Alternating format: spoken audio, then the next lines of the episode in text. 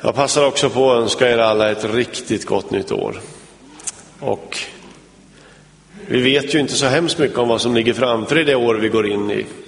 Men det vet vi i alla fall att en, en del av den önskan kan vi faktiskt påverka själva genom att försöka göra varandras liv så gott det bara går.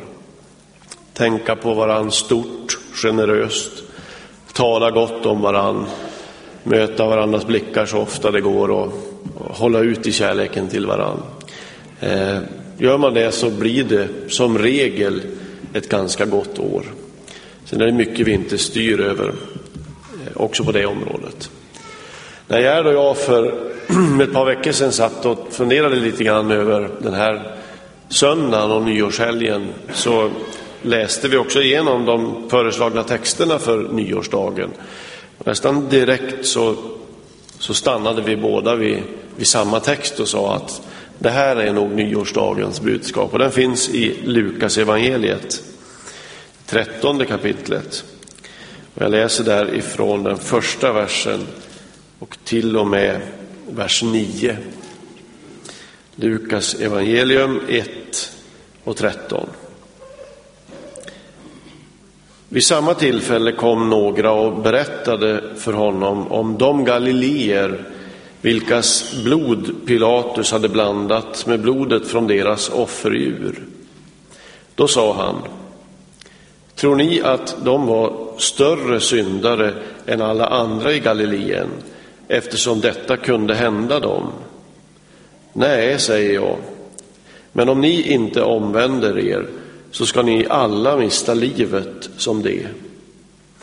Eller de 18 som dödades när Siloatornet rasade, tror ni att de var större syndare än alla andra i Jerusalem? Nej, säger jag, men om ni inte omvänder er ska ni alla mista livet precis som det. Och han gav dem denna liknelse. En man hade ett fikonträd i sin vingård och han kom för att se om det fanns någon frukt på det, men hittade ingen. Då sa han till sin trädgårdsmästare, i tre år har jag kommit och letat efter frukt på det här trädet utan att hitta någon. Hugg bort det. Varför ska det ta upp mark till ingen nytta? Han svarade, Herre, låt det stå kvar ett år till så ska jag gräva runt det och gödsla. Kanske bär det frukt nästa år. Om inte kan du hugga bort det. Vi ber igen. Gud, jag ber att du välsignar ditt ord på våra hjärtan. Tack för att detta ord inte bara berättar saker för oss, utan att det är ett levande och skapande ord som gör någonting med våra liv och med våra hjärtan när vi tar emot det. Jag ber om det i Jesu namn. Amen.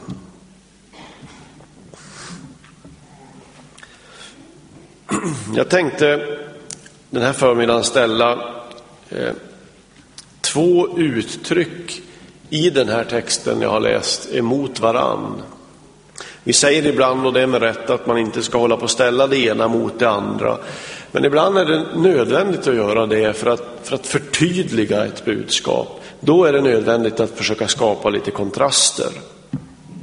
Den ena, det ena uttrycket det är frågan ifrån trädgårdens ägare i liknelsen. Varför ska trädet ta upp plats till ingen nytta? Och det andra det är trädgårdsmästarens vädjande svar. Låt det stå ett år till. Överfört till våra liv så handlar detta naturligtvis om nytta och onytta. Men det handlar också om våra gudsbilder och faktiskt också vår människosyn finns det mycket av i den här berättelsen. Är Gud som den där mannen som ägde en trädgård? Är det så vi ska läsa texten? Eller är Gud som den där trädgårdsmästaren som vädjar för trädet år efter år? Sådana frågor ryms i den här liknelsens vidöppna och generösa form. Först bara en fundering och det är varför väljer Jesus så ofta som han gör att berätta liknelser när han vill säga något viktigt? Ja, först tänker man ju att liknelser var naturligtvis en enkel, lättillgänglig, pedagogiskt skicklig form för att på ett lätt, lättsamt sätt säga besvärliga eller invecklade saker. Men ju mer man läser så upptäcker man att, att så kan det faktiskt inte vara. Snarare verkar det som om liknelsernas syfte var att framställa budskapet på ett sådant sätt som gör mottagligheten eller förståelsen av det beroende av mitt eget hjärtelag, mitt eget sinne. Alltså för de obotfärdiga, de som inte ville förstå, framstod säkert Jesu liknelser som, som helt obegripliga. Alltså än mer obegripligt. Men för de som stod där och lyssnade till honom med öppna hjärtan, med stor mottaglighet, då blev dessa berättelser i sin enkelhet, enkelhet som dyrkar eller nycklar som öppnade upp det andliga livet.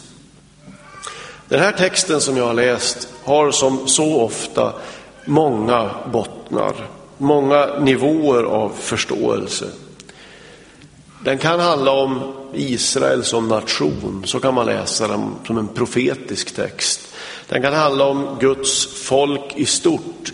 Men man kan också läsa den här texten som jag tänker läsa den idag. Det är en läsart, nämligen att läsa dem som en, en personlig berättelse om mitt eget och ditt eget hjärta. Och så frågar jag, hurdan är Gud i mötet med oss när framgången i våra liv uteblir? Hurdan är Gud i våra tillkortakommanden och hurdan är Gud under de perioder när vår inre trädgård alldeles tycks sakna frukt? Vem är Gud då? Berättelsen om vingården, liknelsen, har en kort förhistoria och den är också väldigt viktig. Vi får veta att den där dagen när Jesus är ute och rör sig så kommer det några fram till honom och berättar för Jesus om hur Pilatus, en korrupt härskare, brutalt har avrättat människor som firade gudstjänst i templet i Jerusalem. Det är Pilatus som bär ansvar för det illdådet och det är Pilatus som ska ställas till svars. Och så frågar Jesus, om de som dog, tror ni att de var större syndare än andra? Tror ni det? Och så låter han oss förstå att någonstans där i skumrasket så fanns det en tanke eller idé om att de människor vars blod hade blandats med offerblodet hade någon del själva i det mörka öde som mötte dem. Jesus besvarar sin egen fråga med det första av två väldigt kraftfulla. Nej, säger han. Nej, säger jag. De var inte själva skuld på något sätt. De var offer. Och så går han vidare, nu inte som följd på en, fråga, på en fråga, utan nu går han vidare spontant. Och så undrar han, de 18 som dödades när Siloatornet fall, föll, var de större syndare än andra? Här finns inte någon som är ansvarig. Här handlar det om någonting som händer, en olycka. Tornet rasar och i rasmassorna ligger 18 kroppar av människor. En bild som vi för övrigt är smärtsamt bekant med i tider som dessa. Tydligen fanns det då som nu en slags frestelse i att börja läsa in Guds syften och Guds handlande i det som hände i katastrofen med tornet. Alltså, vad ville Gud säga med det här? Vad ville Gud dessa människor? Jesus svar är lika tydligt denna gång och det är oändligt viktigt svaret på frågan, tror ni att de människorna var större syndare än de andra? Så säger Jesus, nej, nej, säger jag er. Det finns inget samband mellan den moraliska halten i de här människornas liv och det öde de tycks gå, de går till mötes. Jesus vill säga någonting helt annat. Jag tror att Jesus står där och så deklarerar han att det finns inget sådant orsakssamband mellan livsöde och synd. Utan han understryker egentligen bara, sån här är den värld där vi människor lever. Och om vi inte omvänder oss, ja då är det precis som Jesus säger, att då ska vi alla dö. Vi lever i en fallen, en orättvis och en ändlig värld där vi inte ska döma någon annan, inte börja sortera människor i större och mindre syndare, men göra allt vi kan för att hjälpa varann till den dagliga omvändelse som bevarar våra hjärtan öppna och varma och mjuka. Först när den där bakgrunden är sagd, då berättar Jesus liknelsen om fikonträdet som inte bar någon frukt, som hotas av en otålig ägare som frågar varför ska det ta upp plats till ingen nytta? Sen Gerd och jag satt här uppe på expedition och läste de här texterna så har jag funderat mycket på de där orden till ingen nytta. Egentligen borde så mycket människosyn i de orden. Till ingen nytta. Det bor en människosyn som hotar att växa till hos de människor i vårt samhälle som det har gått väldigt bra för.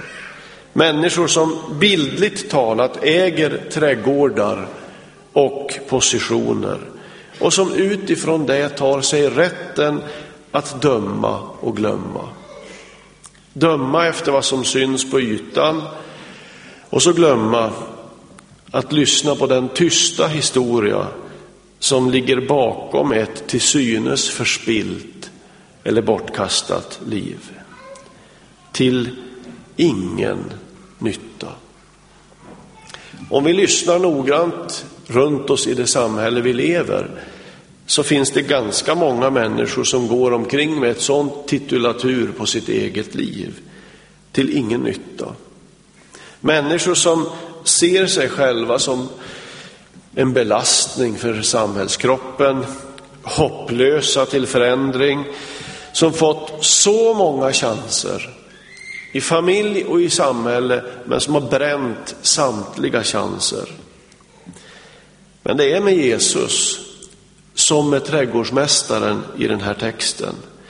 Hans människosyn förmår att bära kunskapen om att vinst i ett avseende kan vara förlust i ett annat avseende och vice versa.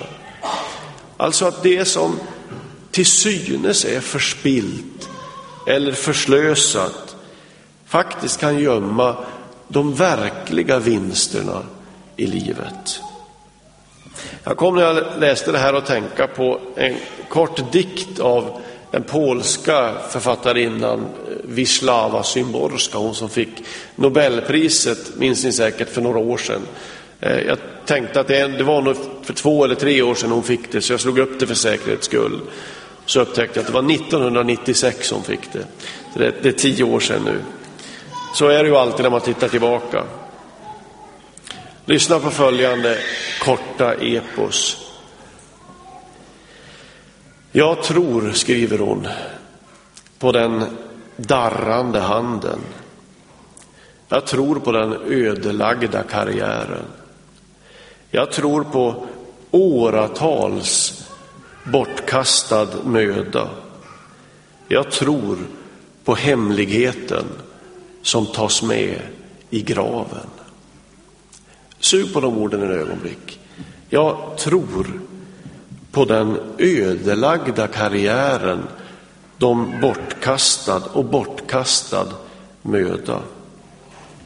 Med sin sylvassa penna så frilägger ju Symborska i de här raderna egentligen ett djupt bibliskt perspektiv på de människor som ytterst sällan får omvärldens applåder eller uppskattning. Här finns du och alla ni som är bönesjälar i den här församlingen och i andra kyrkor runt om vår stad och vår värld. Som i ensamhet håller förbönens låga brinnande dag och natt utan att prata särskilt mycket om det. Där finns alla ni. Där finns du som brukar tänka att ja, någon stor bedjare det blev jag aldrig. Men som går där i ditt vardagsliv och suckar och suckar för alla de som far så förskräckligt illa i den här världen. Här finns du som under åren har vuxit in i en tjänst att besöka sjuka och avsidestagna i din omgivning och som nästan ingen vet att du gör. Och här finns du som i åratal har bett för dina barn utan, som du tycker, att se någon frukt på det trädet. När jag läser liknelsen så framträder bilden av en Gud som går omkring i sin vingård. Och så tittar han på alla er och så säger han, det har inte varit förgäves. Det är inte förspilt. Förtröttas inte. Ett år till tar vi. Och så säger han, kanske ska det bära frukt detta år. Men det är som om fruktbärandet bygger på att de där åren av tystnad, där till synes ingenting hände, att de åren också har funnits, åren i det fördolda. Så mycket av det som sker i bönens värld, i andens värld, i Guds rike, det går inte att registrera med våra mätare och känsliga instrument. Men dina böner förfars inte. Det som i den här världen ser ut att inte ha varit till någon nytta kan mycket väl i andens värld ha varit till största nytta. Det finns en parallell till den här liknelsen i Nya Testamentet. Nu rör det sig inte längre om en liknelse, utan nu handlar det om en ögonvittnesskildring. Alltså någon som säger, så här var det, jag såg det med egna ögon. Och det är Johannes, kärlekens apostel, som har fattat pennan. Och jag läser ur Johannes 12, de åtta första verserna. Sex dagar före påsken kom Jesus till Betania där Lazarus bodde. Han som Jesus hade väckt upp ifrån de döda. Man ordnade där en måltid för honom. Marta passade upp och Lazarus var en av dem som låg till bords med honom. Maria tog då en hel flaska dyrbar äkta nardusbalsam och smorde Jesu fötter och torkade dem sedan med sitt hår. Och huset fylldes av doften från denna balsam.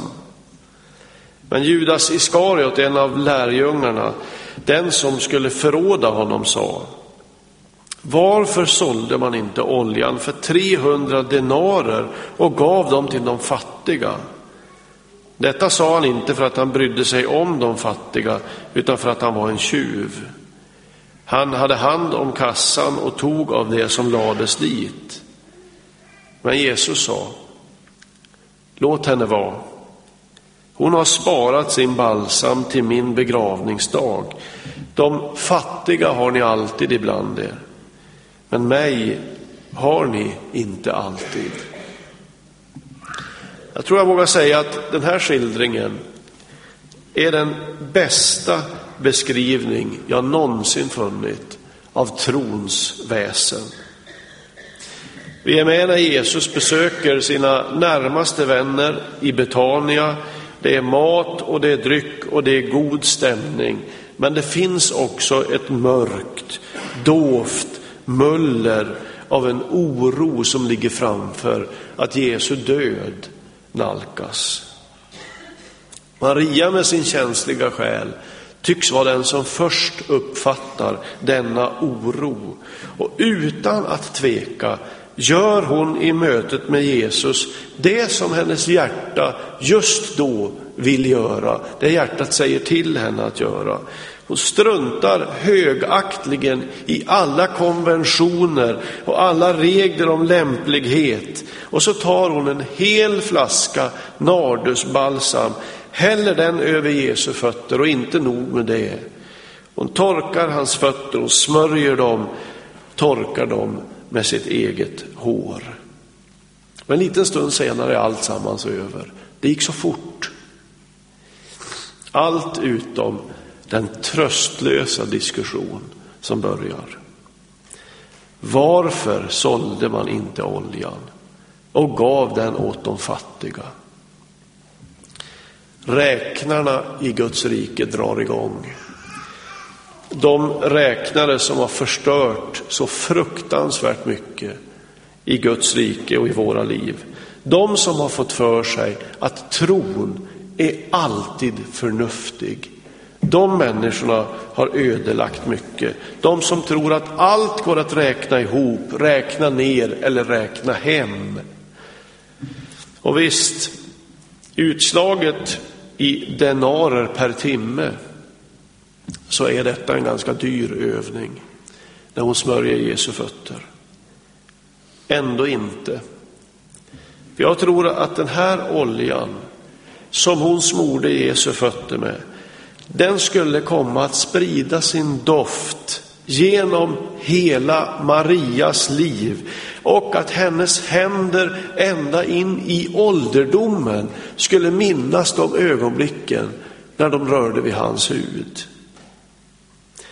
Säkert skulle det komma att bli en väsentlig del av trösten i sorgen efter någon som hon höll mycket, mycket kär. När man har mist någon, det vet alla ni som har gjort det, så är det stunder av ömhet man minns. Alltså när vi la allt åt sidan och bara höll om varandra. Det är sånt man minns. Livet hotas, också det andliga livet hotas när vi börjar mäta det utifrån vad det ger tillbaka och livet vinns när man lägger all tanke på vinning åt sidan och gör någonting därför att man älskar. Då breder det andliga livet ut sig. Kanske är det så man ska se på den kristna tron. Som en kärlek omöjlig att föra bok över. Ett heligt slöseri, om du så vill. Alltså att kasta sig mot Gud utan några garantier, att fortsätta be också när resultaten till synes alltid uteblir, att fortsätta följa sitt hjärta. Och sammantaget så landar vi i en mycket närgången fråga till oss alla. Har vi i den här gemenskapen, Kristi kyrka, har vi plats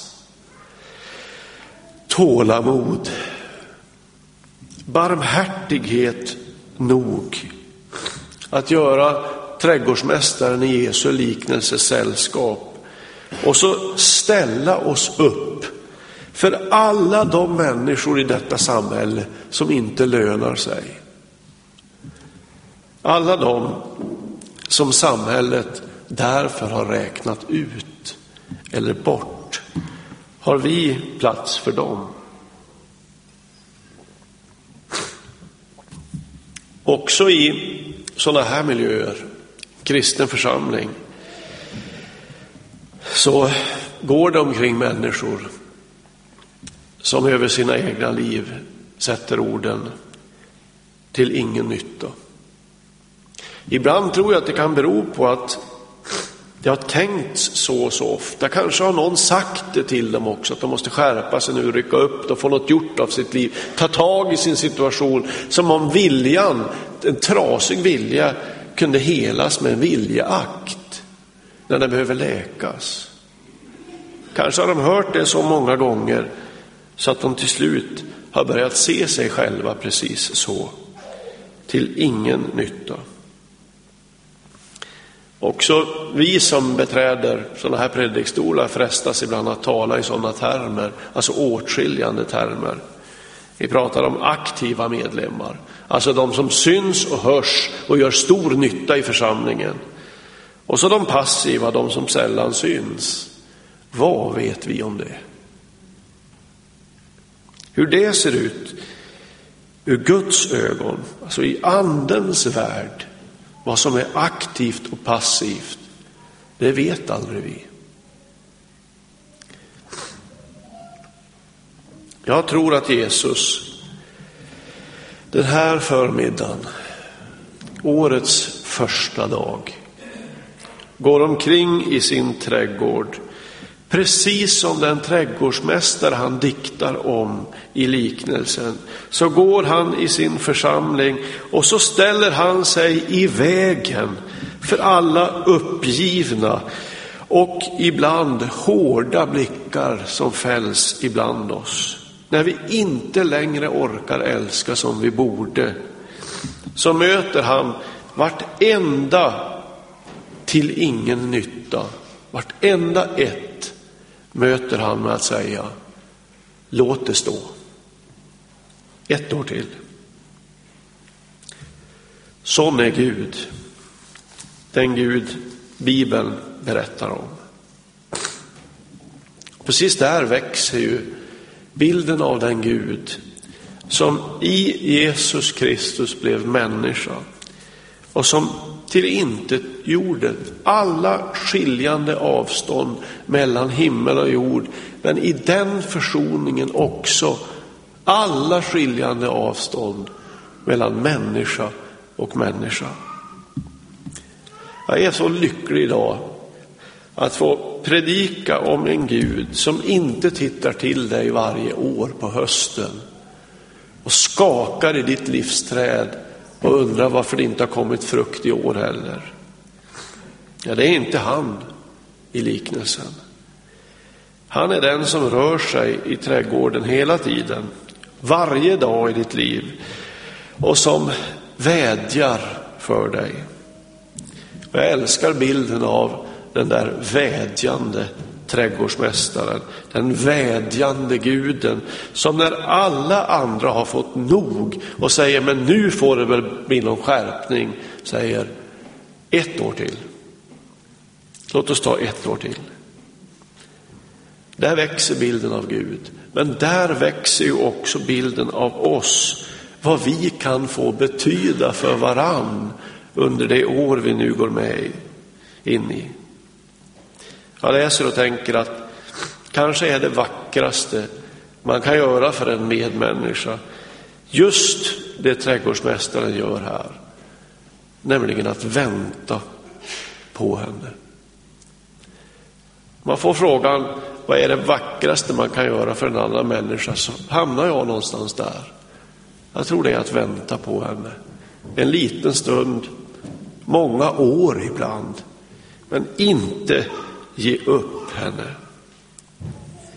Riktig andlighet är inte bara frimodighet, inte bara hjältemod.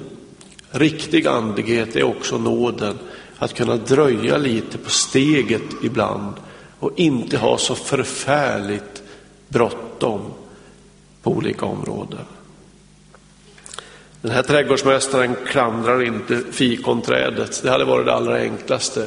Så kunde han själv gå skadefri. Han säger inte att jag hugg du för det var ett dåligt träd från början.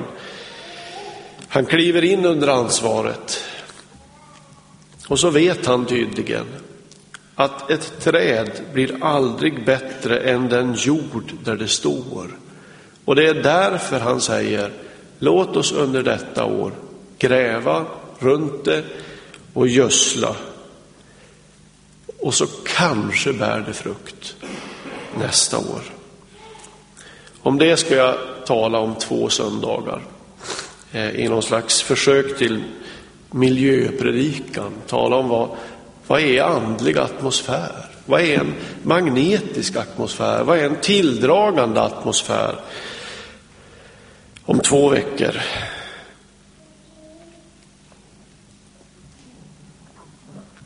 Den där miljön tror jag nämligen är omistlig för växandet ibland oss. Om frukten ska kunna komma fram så handlar det också om alla oss, alltså den kringliggande miljön runt varje människa.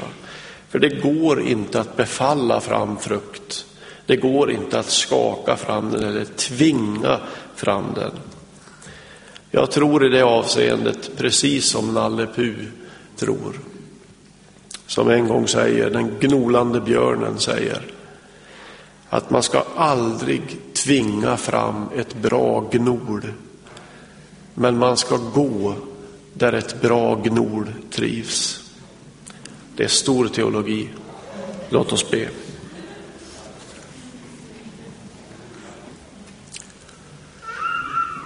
Herre, jag ber om en kärlekens väckelse. Ibland ditt folk i den här stan. En kärleksväckelse som spränger alla gränser mellan vi och dem, hög och låg, periferi och centrum. En kärleksväckelse som gör att vi står där allihopa och konstaterar att vi lever i en fallen värld, en trasig värld, en sårad värld som en mantel som nöts ut. Och i en sån värld måste vi hela tiden påminna varandra om att omvända våra hjärtan till dig varje dag. Och att älska varandra så mycket att den processen får allt stöd. Jag ber om det i Jesu namn. Amen.